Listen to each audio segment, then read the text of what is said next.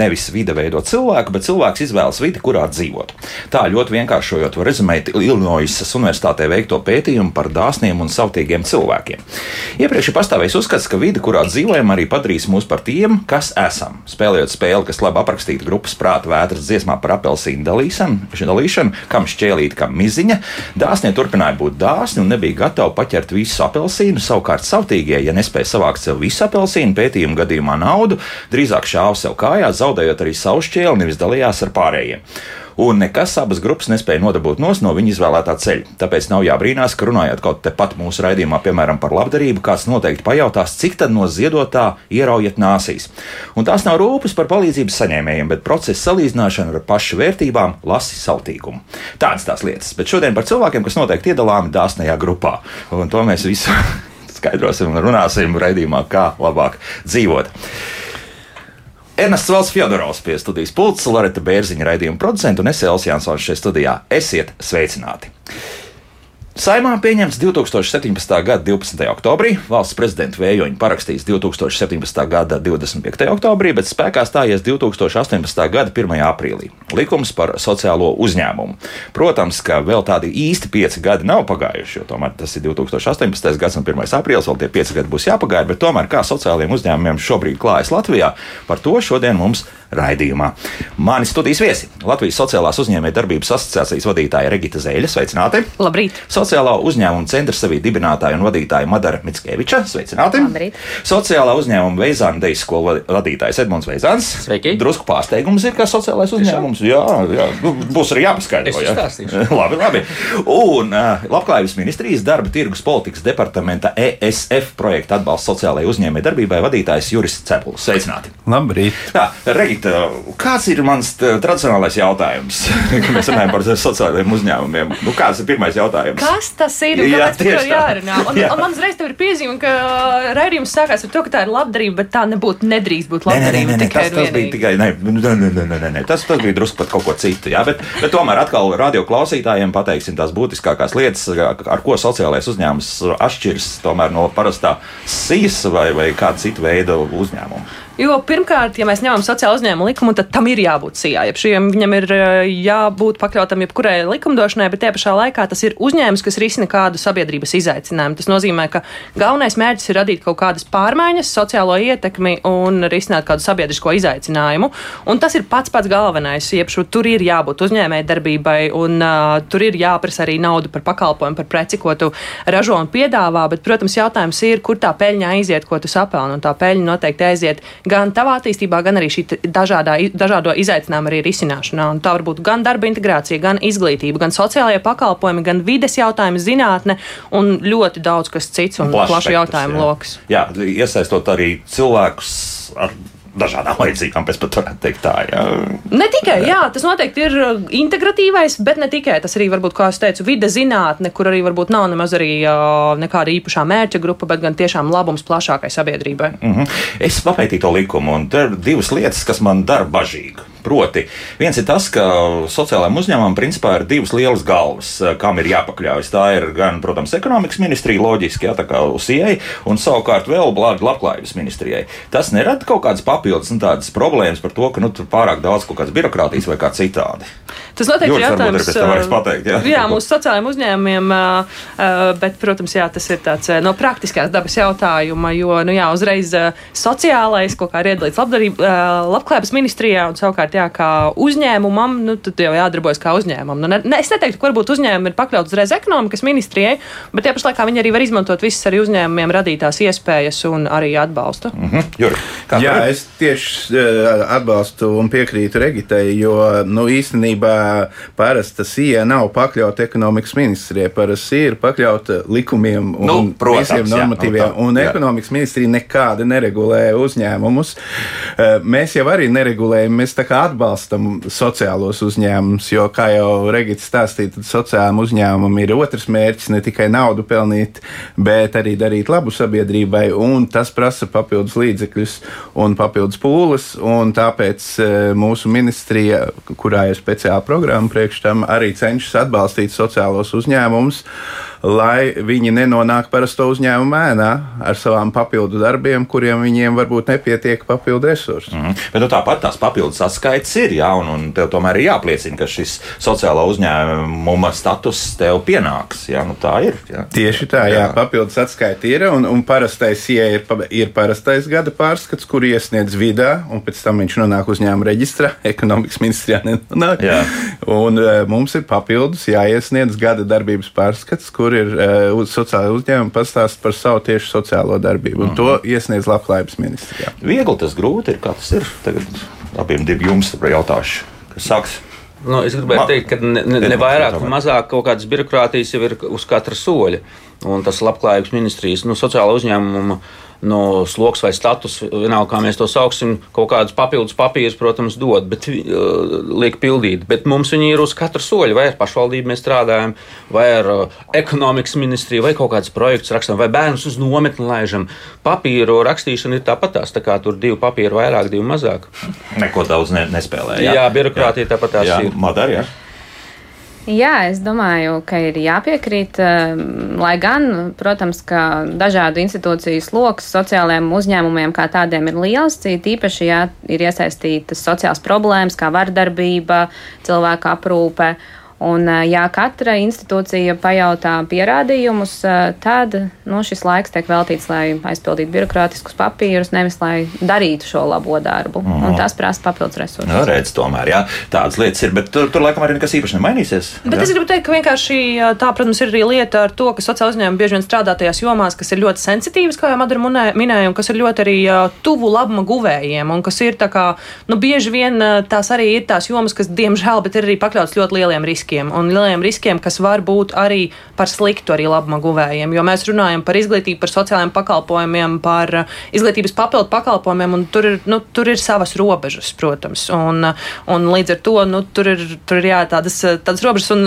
es domāju, ka par to papīru būšanu tā, diemžēl, ir lieta kopumā, laikam, par mūsu valsts uzticību saviem iedzīvotājiem pēc būtības un pēc tā, nu, tā kā, cik daudz un ko mēs prasam un cik lielā apmērā. Jo nu, tas ir, kā jau kā Edmunds minēja, kur, ne, kur negriež griezies, un, un diemžēl, nu, tā kā kā viena no institūcijām, tad nu, nākas jau arī pakļauties arī tajā likumdošanai. No, nu jā, varētu arī citādāk. Jā, jā, Jurija. jā, jā, es varu tikai papildināt, eh, vienkārši vērojot procesus gan Latvijā, gan citur. Tas, tas nav par valsts uzticību sabiedrībai, tas ir valsts un sabiedrības savstarpējām attiecībām. Mm -hmm. Tas ir divu virzienu ceļš. Nekādā gadījumā nevienu virzienu valsts iestādē strādā tie paši cilvēki no sabiedrības. Mm -hmm. Tā mhm. kā, tā kā divu virzienu process. Skaidrs, jā. Un otra lieta, kas mani dara bažīgi, ir proti tas, ka arī šajā likumā ir stabili rakstīts, ka nedrīkst nedrīkst būt nekāda nodokļu parādi.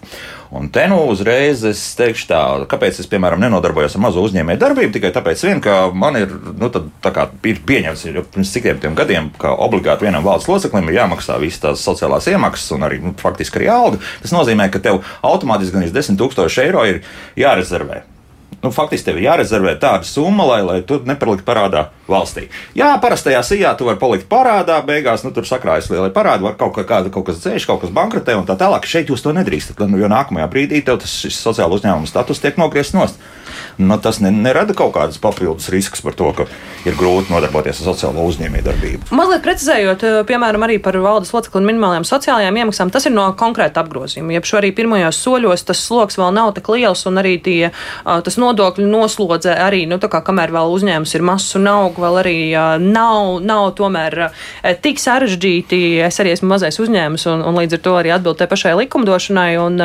un tas nav tik traki, bet par, tiem, par to nodokļu parādiem, tad, teiksim, tā arī labklājības ministrija ir pietiekami pie, pieļāvīga. Un, un, protams, arī sociāla uzņēmuma status tiek skatīts. Ja 150 tā, eiro nemaldos. Tā atbilstība tiek skatīta vienreiz jā. gadā, un, jā. un tas ir arī, nu, dod arī konkrētu laiku arī šīs saistības arī nokārtot. Ja ir kaut kādi izaicinājumi, tad tas viss ir, nu, teiksim, tā arī runāšanas jautājums. Mm -hmm, jā. Likumā jau nevar visu ierakstīt. Protams. Tā doma ir 150 eiro, ir tāpēc, ka tas ir eh, vidas liekas.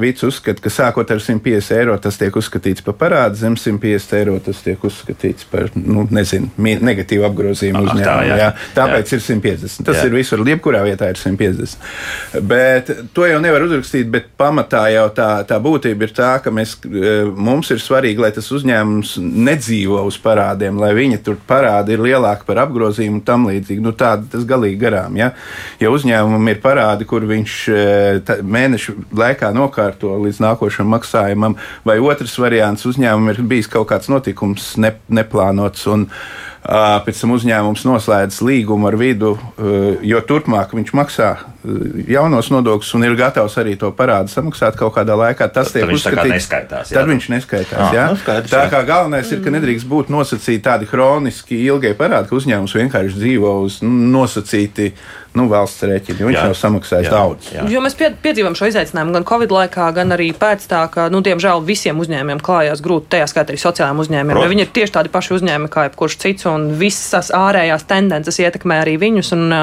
nu, es paredzu, ka, piemēram, arī šī ziema varētu būt diezgan sarežģīta. Mm -hmm. nu, Madara, ko? Es domāju, ka jāadresē noteikti valstiskā līmenī vismaz uzskats par to, kurā brīdī jāuzsāk vai nav jāuzsāk uzņēmējdarbība, jo ja es jau startējot zinu, ka palikšu kādam parādā, man nav jānodarbojas ar uzņēmējdarbību. Un, protams, ir fundamentāla atšķirība, jo pastāv uzskats, nu, Latvijā es esmu saskārusies, ka kārtīgs biznesmenis ir tas, kurš visus uzmetīs, visus piekrāps, visus apčakarēs. Ja? Un tikai tādā veidā var nopelnīt. Bet, nu, protams, ka mainoties paudzēm, arī šis uzskats par to, ko nozīmē būt uzņēmējam, mainās. Un vēl būtiska atšķirība ir tā, vai tā ir projektu, valsts nauda, sociālās sfēras nauda, vai tā ir nopelnīta nauda, kur tātad šo ienākumu regulē pieprasījums un piedāvājums tirgu. Gluži kā visiem pārējiem parastiem uzņēmumiem. Un tur, protams, ir milzīga starpība. Ja es nevaru nopelnīt, es nevaru būt uzņēmējs. Tieši tik vienkārši. Mm -hmm. nu, jā, jā, jā. jā. Nu, es vēl gribēju piebilst, no, ne tikai es, no, nevar būt uzņēmējs tie atslēgas vārdi. Mēs pat nerunājam sociāls uzņēmums vai nesociāls.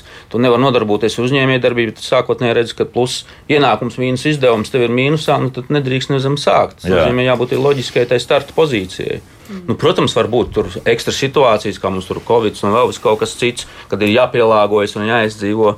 Bet, nu, pareizi tik teikt. Jā, bet eh, principā tas eh, sociālais uzņēmējs pārāk daudz neuztrauc. Saprotu, ja? tas, kas, kas man satrauc visā tajā pasākumā. Tagad, ne? Nē, nu, visas, visas uztrauc. Nē, Jā. tādā ziņā, ka eh, man liekas, ir jāskatās tieši otrādi, ka, ka mums vispār ir jebkāds veids, kā definēt šo jomu. Tāpēc, ka tādā ziņā, ja mēs runājam ar Eiropas kolēģiem, tad viņi mūs diezgan lielā mērā apskauž. Lietuvieši šobrīd eh, ļoti grib kā, pārņemt viens pret viens mūsu likumu, un mēs mēģinam viņus tā kā, eh, mā, nu, tā, vienkārši stāstīt par tām mācībām, ko mēs esam gūši šajos piecos gados. Un līdz ar to arī citi kolēģi, viņiem vienkārši pat nav lauka, viņi nezina vispār, kas tas ir un kā mēs to varam nodefinēt. Mums šis likums vismaz iedod kopēju definīciju, mēs zinām, par ko mēs runājam jau piecus gadus. Protams, Lietuviešiem nav vispār nekā, viņiem nav likuma, vai viņi ir kaut ko tur sarakstījuši tādu, kas īsti nestrādā. Viņiem ir ļoti šaura izpratne tie, tikai par to, ka tas ir darba integrācijas sociālais uzņēmums, ah, mm -hmm. un šobrīd viņi mēģina iet to pašu ceļu kā mēs, mazliet plašināt šo skatījumu un arī to definīciju un arī veidot atbalsta grozu, jo šobrīd tas ir tikai darba integrācijas sociālais uzņēmums bez uh, papildus kaut kāda atbalsta. Mums jā, varētu likties relatīvi, ka tas atbalsts ir salīdzinoši mazs, bet viņš ir. Un tas jau ir svarīgi, ka mums arī valsts šajā virzienā domā. Mēs arī domājam, kā var virzīt arī uzņēmumus, palīdzēt valstī risināt dažādus sociālus izaicinājumus. Mēs runājam par tiem grantiem saucamajiem. Ja? Uh, gan granti, gan arī, piemēram, VSOI uh, darba devēja daļas subsīdija par konkrētas mm -hmm. mērķa grupas darbiniekiem, uh, gan arī, protams, konkrēta loma, ko var spēlēt arī pašvaldības šajā visā, uh, kas ir pietiekami būtiska un, uh, un kur arī uh, tieši pašvaldības kā, kā varas sektors var nospēlēt nozīmīgu lomu, gan veidot atbalsta programmas, gan nosakot nekustamā īpašuma nodokļu atvieglojumus, gan arī, piemēram, nododot mantu bezatlīdzības lietošanā īpašumā. Līdz ar to arī viņiem tur ir loma un viņi var atbalstīt sociālos uzņēmumus vairāk kā jebkuru citu uzņēmumu. Jā, labi. Nu, lūk, paklausīsimies ar kādu ierakstu. Un šis būs nu, tas klasiskais stāsts, kā arī es saprotu, nu, kādam jābūt sociālajiem uzņēmumam. Sociālais uzņēmums veikals visi var atrodas Siguldā un to dibinājusi biedrība Cerības Pārni. Veikalā strādā cilvēki ar invaliditāti, un pērnu veikals atzīts par vienu no labākajiem darba devējiem Siguldas novadā. Veikalā paviesojās Daina Zalamane. Eva Viļķina Siguldā vada biedrību Cerības pārni un pirms pieciem gadiem nodibināja labdarības veikalu Visi var. Tur arī tiekamies. Labdien! Prieks jūs sagaidīt mūsu mājās. Sociālam uzņēmumam nosaukums ir Visi var, jo tiešām mēs arī savā darbības laikā esam pierādījuši to, ka tiešām visi var darīt, lai attīstītu un vairāk kā, pilnveidotu cilvēku ar invaliditāti nodarbinātību. Un līdz ar to arī sociālais uzņēmums visi var ir kā darba integrācijas uzņēmums. Uzņēmumā strādā cilvēki ar invaliditāti un arī vecāki, kuriem ir bērni ar invaliditāti. Žanna ir viena no pārdevējām, kas strādā veikalā Visi var. Es varēju sēdēt mājās, jā, un raudāt, un ar savu invaliditāti gulēt gultā un gaidīt palīdzību kaut kādu, bet šeit tev atradīs piemērotu darbu. Nu, es jūtu, ka es esmu vajadzīga. Bija man bērniņš ar invaliditāti. Un, nu, es nevarēju mm, strādāt jā, visu pilnu darba dienu. Un tā forši šeit, kā jūs pamanījāt, jā, bērniņi arī ar mums, jā, šeit arī arī atradīs to darbiņu uz tik daudz stundām, cik tu vari atļauties. Bet, nu, saskaņojot un pielāgojot tās stundas, lai darba procesi neizjūg, mēs varam vienoties un strādāt. Bet sociālais uzņēmums, nu, jūs esat tādā ziņā, ka jums droši vien arī nav tas mērķis tur gūt milzu peļņu. Protams, ka mēs strādājam uz to, lai mēs uh, varētu pelnīt, un varētu izdzīvot, un varētu samaksāt algas. Jo, protams, ka gribās arī cilvēkiem samaksāt cilvēkcienīgas algas, lai cilvēks justos pilnvērtīgi un varētu iztikt. Bet mums ir papildus paralēli iet arī šis sociālais aspekts. Mēs domājam arī par to cilvēku, kurš strādā. Bet nevienmēr arī pats cilvēks novērtē to, kas viņa labā tiek darīts, un pārvērtē arī savas spējas. Ir bijuši gadījumi arī, kad cilvēks aiziet no mums. Biedrībā cerības pārni izveidotas vairākas darbnīcas, kur cilvēki ar invaliditāti var apgūt darba iemaņas. Izveidot arī kokapstrādes darbnīca, kurā strādā trīs puiši ar invaliditāti un izgatavo visus šeit arī redzamos eh, koku izstrādājumus. Koka karotes, trauki, paliknīši, dēlīši. Tieši šeit, kur arī ir veikals, blakus ir arī šūšanas darbnīca. Un šūšanas darbnīcā strādā cilvēki ar invaliditāti un arī mammas, kurām ir bērni ar invaliditāti. Tā un te ir sveces, bērnu apģērbi, pieaugušo apģērbi, pirts cepures, paklāja austi, jā, puķu podi, flīžu mozaīkas tehnikā. Un sveces arī jūs paši gatavojat? Jā, jā? jā, šo tehniku mēs apguvām paši Vācijā, kur braucām skatīties, ko var darīt nodarbinātības jomā cilvēki ar smagiem funkcionāliem traucējumiem. Un vasku arī mēs pērkam no Holandes, jo Latvijā nevar nopirkt vasku ar šādu konsistenci, lai viņam redzētu visus tos gabaliņus, lai būtu tas caurspīdīguma efekts. Keramikas trauki dažādi, mēs arī paši uh, skatāmies, attīstam dažādus dizainus, lai vispār šī produkcija, ko mēs piedāvājam, lai viņa cilvēkiem patiktu un lai viņi viņus gribētu iegādāties, tāpēc, ka tie ir kvalitatīvi, nevis tāpēc, ka ir žēl tos cilvēkus, eh, kuri viņus izgatavo.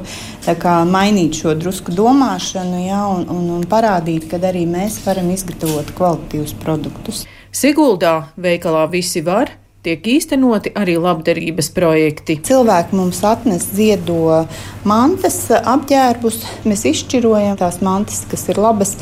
Ir kaut kāda daļa, ko mēs ieliekam arī veikalā tirgošanā. Un tad šī nauda aiziet labdarības projektiem, kas tiek ieņemta.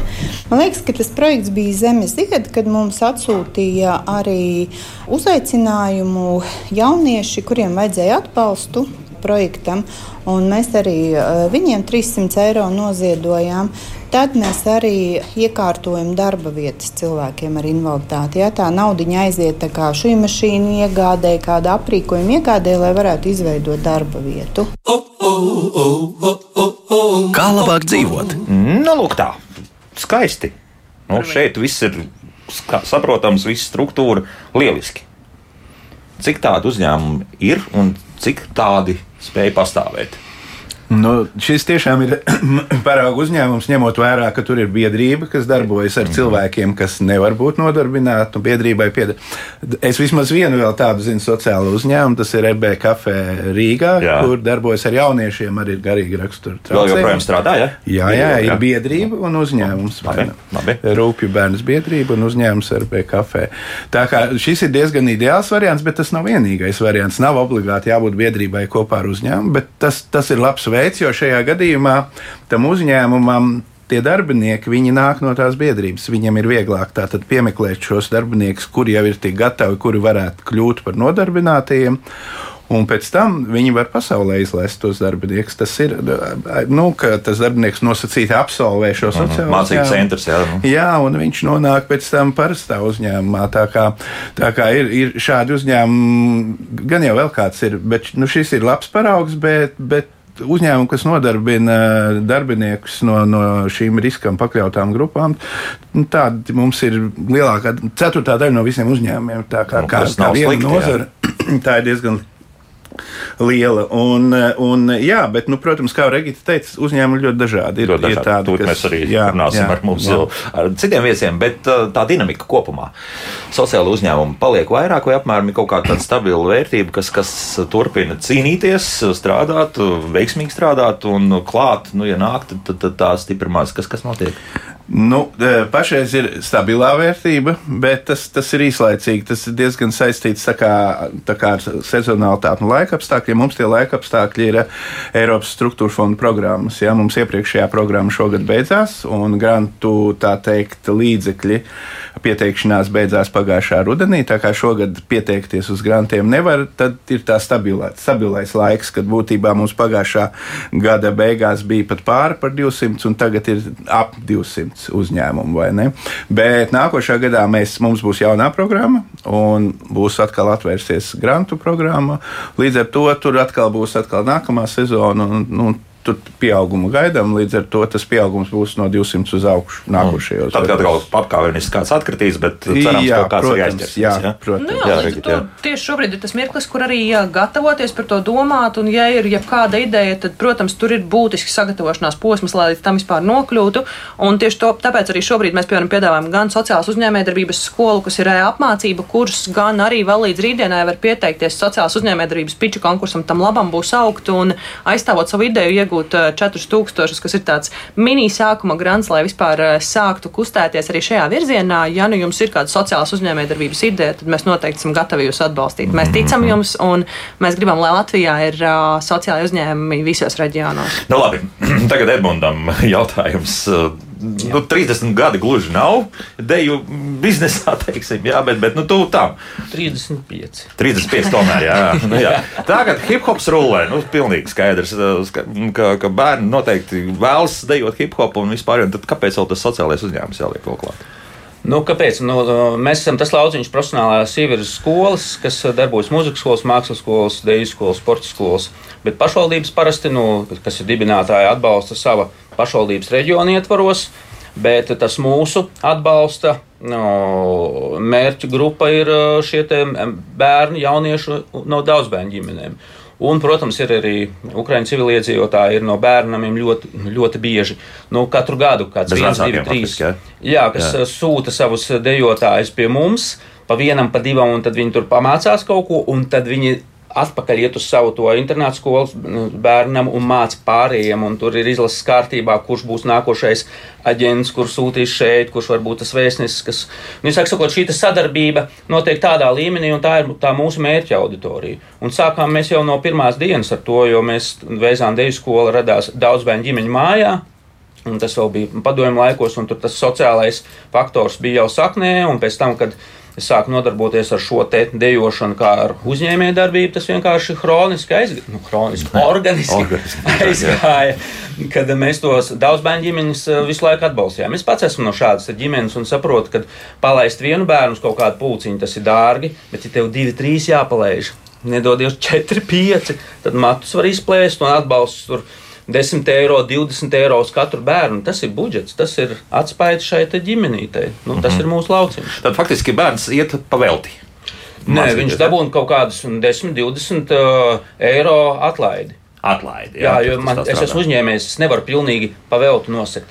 Ir izņēmumi, teiksim, internāta skolas bērniem mēs nu, nevaram paprasīt neko. Jā, jā, jā labi, nu, ka viņš loģiski. vispār atnāk. Un tā, tāda arī nav masu parādība, kā jūs teicat, 1, 2, 3. Nu, tagad Ukraiņu civilizētāju bērni sākumā arī nāca par velti, bet tad mūsēji kļuva greizsirdīgi. Jā, kāpēc viņiem par veltu un kāpēc mēs maksājam?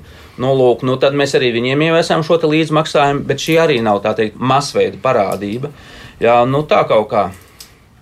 Nu, vienmēr sakot, pārējās grūtības, tās saistītās arī ar birokrātiju, nebaida. Ja? Un, un, principā, tas viss nu, tādā veidā emocionāli un visā citādi atmaksājas.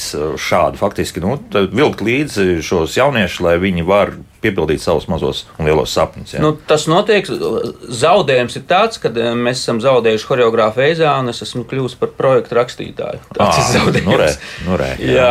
Varbūt vēl viens cilvēks vajadzīgs, vai tādu varētu atrast. Choreogrāfs ir vieglāk apmācīt nekā cilvēks, kas sēž un, teiksim, raksta, iedziļinās, saprot no projekta. Zelta atziņa, starp citu, šajā jā. rītā. Jā, jā Madara, nu, te varbūt arī varētu strādāt drusku citādāk, jo gal galā nu, cīnīties ar mobbingu skolās var atrast pietiekami daudz dažādas Eiropas programmas, salākt naudu, cik uziet un, un strādāt bez sociālā uzņēmēja statusa. Un tomēr. Nu, es pilnīgi piekrītu. Es arī esmu kļuvusi, nu, labi, es vēl strādāju par kapelānu arī garīgajā aprūpē un pati vadu nodarbības, bet es esmu kļuvusi pilnu laiku projektu vadītājs, finansējuma piesaistītājs. Un e, šobrīd emocionālā sociālā intelekta centrs sev pierāda kā drošu sociālo partneri. Nu, mēs, e, nu, es pati darbojos e, ar šiem te uzņēmumiem. Piemēram, šobrīd ir aktīva sociālā kampaņa Apturēsim mobbingu skolās no Procter Gamble zīmola Head and Shoulders Shoulders. Uh, un, uh, tas ir brīnišķīgi, ka izdodas uh, nu, parādīt sociālo uzņēmumu kā šo sociālo partneri, un kā arī uzņēmumi novirza savu finansējumu šādās labdarības kampaņās, bet tas ir smags darbs to izdarīt. Un, tādēļ, kāpēc ne vienkārši uzņēmums vai dzīvot no fondiem, nu, tāpēc, ka tās visbiežāk ir paši īpašnieka ambīcijas, prasmes, spējas, talanti. Un tā viena nianse, manuprāt, kas atšķiras no parastiem uzņēmējiem, ir spēja nepadoties, spēja strādāt, neredzot sava darba augļus. Jo tas atšķiras sociāli no nesociāli. Jo strādājot ar sociālā riska grupām, mēs ejam pie jauniešiem, kur ir šī vardarbība, mobbings, ar kuru netiek galā ne skolas, ne sociālie dienesti, ne terapeiti. Un mēs apmācām trenerus, so, sociālo emocionālo prasmi trenerus, kuri spēj ar šīm situācijām tikt galā. Un tāpat kā deju skolā, tāpat arī mūsu nodarbībās mēs strādājam ar bērniem, kuri ir zaudējuši cerības uz visu. Viņu reģionā vairs nav skolu. Viņa ciemā ir divas ielas un viens veikals. Viņi netic nekam, pat ne vairs sev. Viņiem nav ģimeņu, pie kā aiziet un pajautāt padomu vai paraugu. Un tad šajā pilsētā ir palicis viens bibliotekārs, kurš raksta projektus par 300 eiro, Un mēs braucam uh, vadīt nodarbības šiem jauniešiem, kuri turpat negrib nākt. Un tā ir sociālā atbildība. Turpināt to darīt. Un tad ir viena reize, otra, trešā reize, un šim te jaunietim jau parādās cerība, ka pasaule tomēr ir laba vieta, kur dzīvot. Tāpēc, ka kādam rūp viņa dzīve tajā brīdī, kad nevienam nerūp. Un tas attiecas ne tikai uz jauniešiem, tas attiecas uz senioriem, uz veciem cilvēkiem, uz mirstošiem cilvēkiem, uz bēgļiem, uz cilvēkiem ar invaliditāti. Kāds viņiem ir noticējis? Par spīti tam, ka viņš ir pretojies, par spīti tam, ka viņš ir spurojies, viņš ir noraidījis desmit reizes šo palīdzību, bet 11. reizē viņš pieņems. Un tikai tādā veidā ir iespējams izmainīt cilvēka dzīvi. Un es teiktu, liekas, ka būtiskākā atšķirība ir tieši tas sistemātiskums. Jo, ja tas ir vienkārši projekts, mēs aizbraucam uz divām nodarbībām, un, uh, un tas beidzas, nauda beidzās, beidzās arī aktivitātes. Nu, jā, parasti tā arī ir. Jā. Uh, nu, tieši tā, un, uh, un savukārt tas, ko es redzu kā sociālai uzņēmumi, tieši ir to nepadošanos, iet uz pro, priekšu un arī nu, tā sistemātiski maina, kā mēs saprotam lietas. Vai tā būtu izglītība, vai tie būtu sociālai pakalpojumi. Viņi cenšas iet cauri šiem uh, mūriem, un mūru ir ļoti, ļoti daudz, lai vispār ieraudzītu ieraudzītu un novērtētu to, kas ir šis cilvēks otrā pusē, un uh, lai izdarītu visu, kas ir nepieciešams, uh, lai palīdzētu arī nodzīvot to dzīvi jēgpilni ar visdažādākajiem papildu pakalpojumiem. Un, un man liekas, tieši tā jā, sistemātiskā pieeja uh, un tas, ka jā, tur ir modelis, kas strādā, tas nav vienkārši projekts. Un, un, un tā, tā, man liekas, arī tā būtu atšķirība. Lai tam vis, visam būtu turpinājums vairāk vai mazāk. Jā. Ātri vēl mums jau sasūtījuši tie jautājumus, radio klausītāji ir. Tad uh, mums jautā šādi: sociālais uzņēmums SIA var nevest grāmatvedību un neiesniegt gada pārskatu, nemaksājot nodokli un apgrozījumu? Nē, tā nav. Tā nav, nav tieši tā. tā. Tas nav. ir uzņēmums kā uzņēmums, viņam ir jāatbilst pilnīgi visai likumdošanai, un vidam atskaites ir jāsniedz, un viss pārējais notiek. Un vēl papildus. Un vēl papildus, Un vēl Un vēl papildus. papildus, Un vēl papildus jā, nu, bet nu, ir cilvēki, kas tam ir gatavi. Kaut gan nu, Edmunds tie vārdi man drusku sašāva jā, par to, ka, lūk, nu, ka radošam cilvēkam ir jānodarbojas ar papīriem pēc būtības. Nu, tas, tas nav pareizi manā skatījumā, bet varbūt jūs. Tāpēc ir jāmeklē partneri. Vai nu Nu, tas jā. ir viens sociāls cilvēks un viens ar biznesu tendēts, vai nu tas ir uzņēmums un sociālais novirziens, kas sadarbojas kopā. Un tā ir iespējams sasniegt lielāku rezultātu. Tiešām tā var tādu sinerģiju kaut kāda būt. Jā, jau pieminētie sociālie partneri, arī Luminor, jā, ar ko kopā ar pitch konkursu tam labam būs augt eh, Procter Gamble. Un eh, ir šādi vairāk uzņēmumi, ar kuriem sadarbojoties, eh, ir iespējams panākt lielāku ietekmi. Nu, viņi tā kā sponsori tur darbojas, jā, tā sanāk tam visam pasākumam. Nu, jā. mūsu gadījumā tā, šis uzņēmums uh, kampaņas ietveros ziedo grāmatas un apmācības skolām. Un skolas saņem sociālo emocionālo prasmju spēļu un metožu grāmatas. Uh, Tātad šobrīd jau ir vairāk kā simts skolas, kuras kampaņas ietvaros ir šī, šos te materiālus saņēmušas, un kampaņa vēl turpinās. Tātad arī no iedzīvotāju aktivitātes un no iedzīvotāju iesaistes ir atkarīgs šis rezultāts. Un tas, man liekas, arī ir šī brīža tendence, ka lielie uzņēmumi grib būt arvien sociāli atbildīgāki, un te ir tas tirgus, kur sociālajie uzņēmumi var rasties, un tas ir arī tas labums, bu- esot sociālajiem uzņēmumiem, jo būtībā tu jau parādi, ka tev ir atbildība pret valsti, tu nodod šo papildus atskaiti, bet tu arī pierādi savu sociālo ietekmi, kas nozīmē, ka tu esi labs sadarbības partneris, lai īstenotu dažādas iniciatīvas, kas ir arī lielajiem uzņēmumiem. Nu, bet sociāla nebūs, te atkal neveidosies tā situācija, ka peld liela haizivs un tad ir visādas loģiskas zivs, kas piesūcas klāt un, un vienkārši nu, tikai tāpēc, ka šo sponsorējumu dabūt un, un grants un vispārējo. Nu, tā, tāda arī būs, vai ne? Viss ir atkarīgs no mūsu sabiedrības un mūsu jā, kopējās izpratnes par to. Bet riski pastāv. Nu, teiksim, uzņēmumiem tas ir nedaudz citādāk, tādēļ, ka katram uzņēmumam ir tomēr savs virziens, vai tas ir uz vidi, vai tas ir uz kādu sociālo mērķu grupu, vai uz ilgspēju tendēts uzņēmums. Un tas vien ierobežo to, uh, nu, ko, ko atbalstīt uh, izvēles šis te uzņēmējs. Jā, Jurim tagad jā, pajautāšu. Nu, kā tur ir? Jā, tā, nu, nu, tā ir. Ir jau kāds, kas, eh, kas varbūt atnāk tāpēc, ka ir grants, un īstenībā tas grants jau tāpēc bija domāts. Kāpēc tad ministrs kabinets izlēma grantus dot? Tāpēc, lai piesaistītu vairāk uzņēmumus. Nu, un tad, pēc tam, kad tika realizēts projekts un tas biznesa aizgāja vai neaizgāja, nu, tad noskaidrojās. Un, Un pēc kāda laika notiek tas attīrīšanās process. Tie, kas saprata, ka tā nebija viņu vieta, nu, viņi atsakās no statusa, un tie, kas saprata, ka nu, ir jācīnās, viņi turpina. Un arī vēl par to, kad jūs jautājāt, nu, kāpēc Edmunds ir sociālais uzņēmums. Īstenībā jau nav tāda viena atbilde, jo principā viņš varētu arī nebūt sociālais uzņēmums. Jā, nu, gan jau, bet, dabūt un, un nevajag mocīt tos cilvēkus, jo viņš ir tāpēc, ka viņš jūt, ka viņam vajag būt sociālam uzņēmumam. Tas ir, tas ir par to, ko jūs pašā sākumā stāstījāt par to pētījumu, kur ir divas grupas. Jā, viņš ir tajā saltīgā. grupā, tajā otrajā grupā, nu, neatceros otrajā. laikā. Dāsnie, dāsnie. Dāsnajā grupā. Un, un principā tā, tā lieta, kā, kāpēc sociālais, sociālais uzņēmums pēc būtības viņš grib dalīties, ar, viņš grib pastāstīt par sevi. un Viņš grib, lai citi arī tā dara. Jo, jo to pašu var darīt, nebūdams sociālais, klusiņā, mierīgi, nevienam neko nesakot, darīt labu tiem saviem, teiksim, audzēkņiem. Bet sociālais uzņēmums to pastāsta citiem arī. Un iespējams, ka rodas vēl jauni sociāli uzņēmumi. Mēs esam div- 200 sociāli uzņēmumi. Ja mēs paņemam Latvijā visas ekonomiskās vienības, uzņēmumu, biedrības, saimnieciskās darbības, bet ir, ir, ir, ir 200 tūkstoši. Mēs esam 0,1%. No visiem, jā. Mēs saimnieciski nevaram ietekmēt Latvijas tautsēmniecību, bet mēs varam ar savu paraugu ietekmēt. Mēs varam paraut līdzi sev, sev uzņēmumus, mēs varam lielos uzņēmumus paraut līdzi, ko teica sociāli atbildīgi uh, uzņēmējdarbība lielajiem uzņēmumiem. Nē, nu, vārdam ir nozīme šeit. tas- Šeit ir, protams, nozīme. Un to var uzskatīt arī par tādu kā atpazīstamības zīmi, un, protams, arī lietu, ko var izmantot gan mārketingā, gan stāstot par sevi, gan arī, jā, tā kā tas tirgus vēl ir salīdzinoši mazs, jūs vēl varat būt starp pirmajiem, kas tajā ir iekšā, un kas lepni var teikt, ka es biju jā, pirmajā trīsimtniekā sociāla uzņēmuma. Mm -hmm. nu, ko mums jautā mājaslapā? Kas ir interesantākie, neparastākie sociālai uzņēmumi Latvijā pēc jūsu viesdomām, klausītāji jautā? Kas pirmais nāk prātā noteikti ir pielāgoti subdēļi, kustības brīvība ogrē.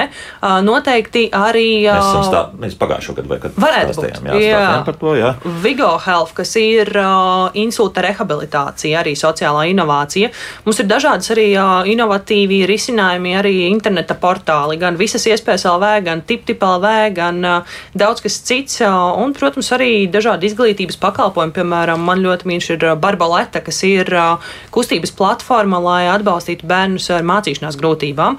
Un noteikti var saukt un saukt. Tas pats laboratorijas, piemēram, kas arī māca, māca arī zinātnē bērniem un arī attīsta tieši zinātnes prasmes. Nu, man prieks, ka es dzirdu arī tos uzņēmumus, par ko mēs šeit esam stāstījuši gadu garumā. Ja, faktiski jāsaka tā, ka jau projām tie eksistē un turpina arī savu darbību. Tas, tas priecē, protams. Bet paklausīsimies vēl vienu stāstu. Pirms desmit gadiem pēc vecāku ierosmes Valmierā darbu uzsāka zaļā skola. Privātā pamatskola, kurā ir arī sešas pirmsskolas grupas. Skola kā sociālais uzņēmums darbojas ekoskolu programmā un piedāvā arī mājmācību, un Valmierā par to vairāk interesējās, protams, Daina Zalamana. Valmierā mani sagaida zaļās skolas direktoras vietniece Ieva Mangule. Lai gan māja, kurā atrodas zaļās skolas pirmsskolas grupas, atrodas gandrīz pašā Valmieras centrā, pie ēkas ir gan abeļdārs, gan siltumnīca. Mums ir siltumnīca, permakultūras dobīte, un tur ir komposta kaudze. Kā laukos gandrīz. Nu, tā jāaiziet līdz siltumnīcai. Nu, iesim, iesim, paskatīsimies, kas tur ir. Tomāti ir vēl. Paprika arī te vēl aug. Jā, bērnus arī jūs te laižat? Jā, jā, tas ir viņiem. Pavasarī loka kastītes no papīra, kurš jau kaut kad ir bijis izmantots. Tā būtu jāmet ārā, bet mums tas ir resurs, salo kastītes, paši iesēji piķē un nākam un stādām. Tad vēl viss tā laistīšana. Jā, jā, jā viss. Un pazarītes jānokniena. Ekoskolām ir rīcības dienas, tāds startautisks rīcības. Un tā sakrīt tajā laikā, apmēram, kad ir mārtiņa. Un tad mēs organizējām labdarības tirdziņu. Mēs bērnu skoliņā gatavojām nu, dažādas lietiņas, priekšmetus, kurus varētu pārdot un pirkt. Un, Un arī vecāki piedalījās. Mēs ietirgojām ļoti labu naudu. Tad mēs nopirkām augļu dārzeņu žāvējumu aparātiņu. Un tagad skolotājs un bērni nāk vākt abolus, mizo un liek žāvētāju. Un tas mums būs patiesībā vēl noslēpums, bet tās būs dāvanas vecākiem Ziemassvētkos. Nu, un ja kāds atnāk ar pēcpudelīti, kas nu, ekoskolās nedrīkstētu būt, bet nu, tāpat šur tur atrodam. Tad nopērkam cukuru priekš sukādēm. Ieva Manguli stāsta, ka zaļās skolas pamatskolas klases jau gadu atrodas 9 km no Valmieras, Kocēnu pagasta mujānos. Baltakmeņa mūža bija viesunams, tagad tur ir skoliņa. Ir viena no ēkām. Šogad lēnā gaitā pārto par tādu centriņu bērniem ar īpašām vajadzībām siltās smiltis, gaismas galdi, kas ir vajadzīgs. Un mūsu direktorīte ir kanisterapeite, viņa arī ar sunīšiem reizēm ierodas, un mēs paši te arī nākam skoliņu reizēm ar sunīšiem. Tad baltakmeņos arī ir truši. Paņem, ka vēl kaut kas tur būs ar laiku. Klases cik lielas? 5 līdz 10 bērni. Nu, jā, vecāki, es domāju, ka izvēlas nākt pie mums tieši tāpēc, ka viņi vēlas varbūt citādā attieksmi pret savu bērnu. Ir mūsu katrā vecuma grupā arī bērni ar īpašām vajadzībām. Katram bērnam ir asistents, un skolā strādā arī psihologs, ir logopēds, tiek nodrošināts. Ir bērni, kuri pieredzējuši arī mobbingu, kuriem ir grūtāk iekļauties lielajā kolektīvā. Un, nu, šāda grupa, kurā ir 10, 15 pirmsskolēni, nu, tas ir daudz sirsnīgāk, mīļāk un ģimeniskāk. Šī sociālā funkcija ir galvenā, ka cilvēks cilvēkam, ka bērns ir centrā, viņa vajadzības. Un arī tajā pašā laikā mēs, kā skolotāji, skolas darbinieki, arī jūtam šo labbūtību, ka mēs uh, daudz ērtāk, vienkāršāk un pozitīvā gaisotnē strādājam un lemjam un pieņemam nu, vienkārši lēmumus un darām. Jā, es esmu bijusi nu, dažos pasākumos, kuros tiek sociālie uzņēmēji no Latvijas. Sen nebija redzējis tādu labestību, un ka cilvēki savas zināšanas, prasmes, un enerģiju un sirdsiltumu iegulda tajā, lai tu citiem darītu labu. Man nebija ienācis prātā, ka Latvijā ir tik daudz nu, tādu cilvēku. Kā darīt šo dzīvi labāku, lai visiem ir labi. Un tāpēc arī tas sociālais uzņēmums droši vien ir taisnība par to, kā cilvēks cilvēkam, kā mēs cit citam varam dot to, kas man pašam ir labs. Laiks jūsu jautājumiem. Tālruņa studijā 6722, 888, un 6722, 559, mūsu e-pasts, klausītājs at Latvijas radio.lv. Un, protams, arī mājaslapa darbojas Latvijas radio.CLV. Tur tālāk jāatrod radio viens un raidījumi, kā labāk dzīvot. Ir kas jautājums par sociālajiem uzņēmumiem un sociālajiem uzņēmējiem, tad uh, rakstiet droši. Un, uh, pirms mēs ķeramies klāt arī tas, kas jau sasūtīts mājaslapā, gribu atgādināt, ka šeit studijā sociāla uzņēmuma Veizandijas skolu vadītājs Edmunds Veizants, sociāla uzņēmuma centra sevī dibinātāja un vadītāja Madara Mitskeviča, Labklājības ministrijas darba tirgus politikas departamenta ESF projekta atbalsts sociālajai uzņēmējdarbībai vadītājs Juris cebulis, nevajag smieties, vajag nolasīt visu tā kā ir. Un, protams, arī Latvijas sociālās uzņēmējdarbības asociācijas vadītāja Regita Zēļa. Nu, lūk, un, um, protams, Regita, šis tas, tas piektais gads, un uh, tūlīt pat būs daudz notikumu, ja, tāds saistīti tieši ar sociālo uzņēmējdarbību, kas jāizstāsta ātri, kas oktobrī notiks.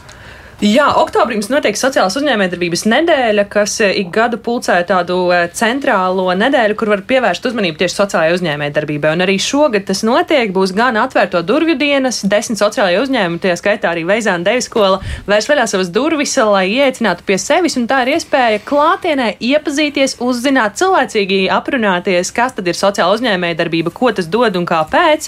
Otrām kārtām sociālās uzņēmējdarbības nedēļas ietveros, protams, būs arī eh, piecgadas konference tieši par godu arī tam, ka atzīmēsim šo ceļu, kas ir noiets, skatīsimies, kas tad tālāk ir paredzēts. Bet līdz tam, ja jums ir šī interese un deksme, kā jau minēju, tad noteikti sociālās uzņēmējdarbības skola, kuru vēl varat arī pieslēgties un uzzināt un mācīties un saprast, vai tas ir tieši priekš jums. Un vēl līdz rītam arī pieteikties piču konkursam, tam labam būs augt, eh, lai iegūtu 4000 balvu. Rīta jāpasaka, kas tas piču, mēs jau vienreiz prezentācija konkurss. Jā, prezentācija konkurss, jā. Bet uh, tagad uh, Arvils nu, jautā, varbūt jūs jau teicāt, bet gribu zināt, kas nepieciešams, lai izveidotu sociālo uzņēmumu. Nu, kas ir nepieciešams? Nu, Pirmkārt, ir jāizveido uh, komersants, tas sabiedrība ar ierobežotu atbildību. Un, nu, es to arī varētu izstāstīt, bet mums nav laika. Nu, nu, nu, tas, tas viss ir jāizdara. Jā. Un tad ir statūtos ir jābūt sociālam mērķim. Tā ir vienīgā atšķirība juridiskā taisnībai. Ja, statūtos līdzīgi kā biedrībām, ko tu gribi sasniegt. Un tad ir jāizpilda iesniegums un jāapņemās. Uh, iesniegums kam? Iesniegums Labklājības ministrijai, lai kļūtu par jā. sociālu uzņēmumu. Jā. Un, protams, īpašniekam ir jāapņemās, ka viņš peļņu nesadalīs sev, bet jā. ieguldīs atpakaļ. Viņam tas jāapzinās. Ja, ja tu to negribi, tad nenāk. Nu, tad šo iesniegumu iesniedz ministrijā, un tad ir intervija ar sociālo uzņēmumu komisiju.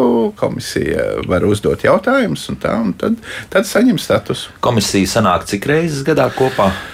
Eh, pēc, pēc eh, noteikumiem komisijai jāsanāk ir neretāk kā eh, ik pēc trīs mēnešiem, praktiski sanāk ik pēc trīs nedēļām. Pat tā, jā. Ja? Nu, tas ir saistīts ar šiem gada darbības pārskatiem, un mums ir 200 uzņēmumu, mums visi tie pārskati komisijai jāizskata.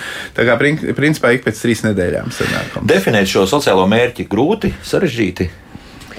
Um, viegli, manuprāt. Man arī bija viegli. Ja ir skaidrs, ko dara, tad noteikti viegli. Jā. Jā. Mhm. Ja nav skaidrs, tad tu vari domāt un nesaprast, un tāpat neizdomās. Jā. jā. Bet tas ir tā pievilkts. Jā. jā. Mm -hmm. Tā, nu, lūk, ko tad mums vēl jautā? Nu, kā Latvijas Investīciju un attīstības aģentūra investējot 1,5 miljardu eiro, izveidojusi 1700 jaunu darba vietu. Nu, cik darba vietas invalīdiem ir cik nu, uzņēmumi ir izveidojuši. Nu, tie, protams, statistika mēs jau drusku saucām, ja kaut, kaut kas jau tur bija, kaut kāda skaidra. Ja? Jā, jā nu tas ir mūsu projekts jau, jau kopš 18. gada darbojas. Un, ja ņemam tieši tagad, šajā brīdī, tad, tad eh, darbinieki ir apmēram eh, no šīm eh, mērķa grupām. Tas ir grupas, kas ir sociālās atstumtības riskam pakļautās. Jā. Uh mhm. -huh. Šie darbinieki ir apmēram 250. Nu, nu, mainās slikti. Nu, galvā, jā. Nu, jā. Bet, nu, ja mēs ņemam visus šos gadus kopā, tad tas darbinieku skaits vismaz divreiz lielāks ir bijis. Jā. Jo kāds atnāk strādāt, kāds aiziet vai ne. Un kopējais darbinieku skaits? Kopējais kopējais darbinieku skaits ir uh, ap tūkstoti, pārpa tūkstoti nodarbinātie visos uzņēmumos kopā. Nu, tā katrs piektais faktiski ir cilvēkam, kuram ir varētu būt problēmas, ja dzīvo. Jā, bet nu, tas ir tā, ka ir uzņēmumi, kuri nodarbina šos, šos mērķu grupu cilvēkus, un tad tajos ir jābūt vairāk kā pusē. Un ir uzņēmumi, kuriem ir citi mērķi, vai ne? Tas cits mērķis var būt sniegt kādu palīdzību dažādām cilvēku grupām, mm -hmm. kurām sniedz pakalpojumus. Vai dzīvniekiem? Jā, arī starp citu. Jā, arī. jā, bet, jā, jā. bet dzīvnieki nav sociālā grupa. Šajā, šajā gadījumā jā. tas tiek uzskatīts par labumu sabiedrībai. Mm -hmm. Ja tev ir dzīvnieku patvērsme, tad apkārtējiem cilvēkiem ir, ir labāka dzīve, jo tur neklaiņo apkārt dzīvnieku un tam līdzīgi. Tad, tad formulējums te ir. Protams, ka jā. dzīvniekiem ir labāk. Jā. jā. Tā nav sociālā. Vēl par kritērijiem mums jautā, nu, vai, vai tie ir pietiekami stingri, vai, vai tieši otrādi tie būtu padarām stingrāk vai nē. Tieši lai iegūtu sociālo uzņēmumu status. Jā, jā, jā, un arī pēc tam izvērtējot arī nu, katru gadu tomēr. Es teiktu, ka viņi, nav, viņi šobrīd nav pārlieku stingri. Un, protams, nu, tas ir tāds interpretācijas jautājums. Un, ja lasa likumu, likums vienmēr liekas sarežģīts. Bet tajā pašā laikā, ja tu izproti to būtību, tad viss ir nu, loģiski un saprotams. Gribēju teikt, ka 200 pāri uzņēmumu tas nav daudz. Tātad no vienas puses varētu domāt, ka tie noteikumi ir stingri, bet no uzņēmēja viedokļa, ja tev tas mērķis ir, tas sociālais mērķis eksistē, tad tie noteikumi ir izpildāmi. Uh -huh. Madara, kaut ko pateikt? Jā, būtiski vienkārši adresēt konkrētu sociālu problēmu un no problēma jau vienmēr ir pat pats arī risinājums. No problēmas izrietēs tas, eh, kas būs statūtos, no sociālās problēmas izrietēs tas, kā mēs to risināsim. Un savukārt par atskaiti īstenībā tas arī lielākoties ir par to, ko pats sociālais uzņēmums apņemas. Jeb šo, ko pats apņēmies, to arī ir jāpierāda, kā tu arī to izpildi. Līdz ar to tas ir ļoti loģisks ceļš, kā tu vienkārši arī pats sev parādi, ko tu dari un cik tālu tu tiec arī tajā risinājumā un cik tālu tu tā palīdzi arī tai grupai, ar ko tu strādā. Uh mhm. -huh. nu, vai sociālajiem uzņēmumiem ir kādi nodokļu atvieglojumi, Edgars jautā? Sociālajam uzņēmumam ir neliela nodokļu atvieglojuma uzņēmuma ienākuma nodoklī. Tas ir ļoti sarežģīti, jo uzņēmuma ienākuma nodokli pašreiz pamatā maksā nevis par ieņēmumiem, bet par izdevumiem, kas ir neatbilstoši, ne, e, kas ir neatbilstoši attiecīgam biznesam. Par to ir jāmaksā ienākumi. Un tātad sociālajam uzņēmumam ir pieci izņēmumi, kuros gadījumos nav jāmaksā šis par šiem izdevumiem. Nu, ta, tas nav ļoti liels atvieglojums, bet nu, tāds atvieglojums ir. Plus, Izmanto to kāds? Mm, ļoti maz izmantot. Ļoti maz izmanto, es jā. domāju, ka tur ir nepieciešams, lai šādu izmantot, ir nobriedušākiem uzņēmumiem jābūt. Jo, piemēram, tas atvieglojums ir tas, ja tu savus eh, mērķu grupu darbiniekus tur aizsūti uz rehabilitāciju vai organizē viņiem kādus pasākumus rehabilitācijas. Ja? Uzņēmumi vēl nav nostiprinājušies, viņi, viņiem vēl nav tik daudz uzkrāt līdzekļu, lai viņi varētu šādus pasākumus organizēt. Līdz ar to viņi arī nevar to atvieglojumu dabūt. Uh -huh. viņiem, nu, nu, nu, jā, tā. Jā, jā. Vēl ir, eh, vēl ir pašvaldība ir tiesīga dot uh, atlaides uh, īpašumu, uh, nekustamā uh -huh, īpašuma uh -huh. nodoklī. Tā kā nu, tas ir ar nodokļiem saistīts. Jo savulaik vienā no raidījumiem mēs par to daudz runājām tieši par šīm atlaidēm, mm. nodokļu atlaidēm no, no pašvaldības puses. Jā. jā, un arī trešais noteikti ir arī šī iepriekš minētā valsts sociālās apdrošināšanas obligāto iemaksu subsīdija, kas būtībā arī ir uzskatām par nodokļu atvieglojumu, varētu teikt. Mm -hmm. nu, tikai tā ir pie, piesaistīta pie programmas. Tātad jā. tā ir tagad programma beidzās. Jaunajā programmā ir atkal ieplānots, ka būs, bet nu, tas ir atkal uz pieciem gadiem vai septiņiem. Nu, tad Edmundam atkal jāraksta papīrs. Jā. Nu, tā sanāk, jā, ne, ne. Nu, tas īsti uz Edmundu neatiecas, jo, jo Edmunds nenodarbina mērķa grupas. Edmunds, jā, bet, ja gribētu, teikt, jā, jā, tad, jā, tad, tad, jā. Tad bet, ja Edmundam parādās arī viens darbinieks no mērķa grupas, tas ir arī persona ar invaliditāti vai garīgi rakstura traucējumu, uh mhm. -huh. arī Edmunds var nākt pie mums pēc šīs kompensācijas, jo šeit nav obligāti jābūt darba integrācijas uzņēmumam. Un tā ir būtiska algas daļa. Ja mēs tā iedomājamies, tad VSOI darba devēja daļa, nu, tas ir būtisks procents no atalgojuma, un tas ir arī, protams, atspējs arī, arī tiem, kas tieši šajā lauciņā darbojas. Mēs ļoti ceram, ka ar laiku tas arī būs no valsts budžeta un kā tāds pastāvīgs nodokļu atvieglojums sociālajiem uzņēmumiem. Nu, kāpēc ne? Jā, nu, Guns drusku skeptiski raksta par to, ka arī šis stāsts pie mums ir izstāstīts raidījumā. Jautājums studijas viesiem viņš jautā, kas uzņēmumā, kas ražo plasmas atkrituma apakšveļu peltkostīmus, ir sociāls, jo cita radio raidījumā runa bija par mikro, mikroplastikas kaitīgumu. Nu, protams, mēs varam diskutēt par to kaitīgumu, nekaitīgumu, bet, bet ko mēs atbildēsim mūsu radioklausītājiem? Jā. Uh, jā, tas ir stāsts par Swimbiju, jeb mans peltkostīms Valmierā.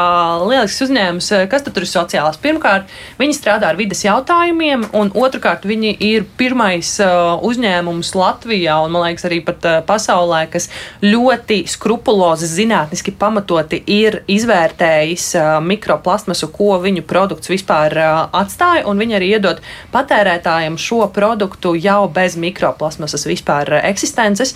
Trešā lieta, protams, ir jau pats produkts, kas ir jau no pāršķādāta materiāla vairākas reizes, bet es pat teiktu, ka tas, kā es uz viņiem skatos, uz Swimbīru, pat vairāk tieši par sabiedrības izglītošanu. Viņi ļoti dara tieši šajā virzienā, dodas uz skolām, strādā ar jauniešiem, ar bērniem, stāstot par dažādiem vidas jautājumiem un arī parādot šīs, šī šīs problēmas plašumu un arī to izaicinājumu, kas tur vispār pastāv. Mm -hmm. Un tur ir korunāta. Protams, un, bet viņam arī ir ļoti skaidri rādītāji, kā viņi arī var parādīt to ietekmi un kā viņiem ir mazāka ietekme nekā jebkuram citam ražotājam. Jā, tā kā gunta laipni aicināt, var doties uz uzņēmumu un saņemt konsultācijas, kāda to mikroplasmas īsti tur ir. Nu, mums jābeidz. Laika vairāk nav. Un, uh, Varētu stāstīt un stāstīt, vai ne? Nu, principā, jā, es domāju, ka stāstu būtu gana daudz, bet, bet katrā gadījumā atkal novēlēšu veiksmi, nu, lai tomēr tagad uz to jauno atkal ciklu parādās vēl jauni, drosmīgi cilvēki, kas ir gatavi visā tajā lietā iet iekšā. Es joprojām ar to visu skatos ar šausmām, jā, tieši tāpēc tā papīra būšanā vispār, jā, bet nu, gods un slava, nu, ka jūs spējat, jūs spējat, jūs to darāt. Un, nu, tikai uz priekšu, laikam, jā. Vēl kādi vārdi? Jā, vediet bērnus uz dejot hip hop. Domāju, ka šobrīd, šobrīd tas ir pietiekami aktuāli. Labklājības ministrijas darba tirgus politikas departamenta ESF projekta atbalsts sociālajai uzņēmējdarbībai vadītājs Juris Cebolis, Latvijas sociālās uzņēmējdarbības asociācijas vadītāja Regita Zēļa, sociālā uzņēmuma centra sevī dibinātāja un vadītāja Madara Mitskeviča un sociālā uzņēmuma Veizāndejas skolu vadītājs Edmunds Veizāns bija kopā ar mums. Paldies par sarunu. Rīt nevarētu teikt, ka gluži mēs turpināsim šīs dienas tematiku, bet, bet katrā gadījumā kaut ko līdzīgu runāsim par palīgu ierīcēm labākai dzīvei. Starp citu, ar to kāds nodarbojas sociālais uzņēmums, kas ražo, nezinu, protēzes vai ko tādu līdzīgu. Mm, ir tādi, kas īstenībā arī kaut kādas dzīves uzlabošanas lietas ražo, gan, piemēram, lietus tērpus vai arī, arī palīgi ierīces, man liekas, ka kaut kur parādās. Jā. Jā. Nu, arī te arī pielikuši roku ir sociālai uzņēmumi, bet ne tikai par sociālajiem uzņēmumiem rīt raidījumā stāsts. Jaukdien visiem! Un tā! Kā labāk dzīvot?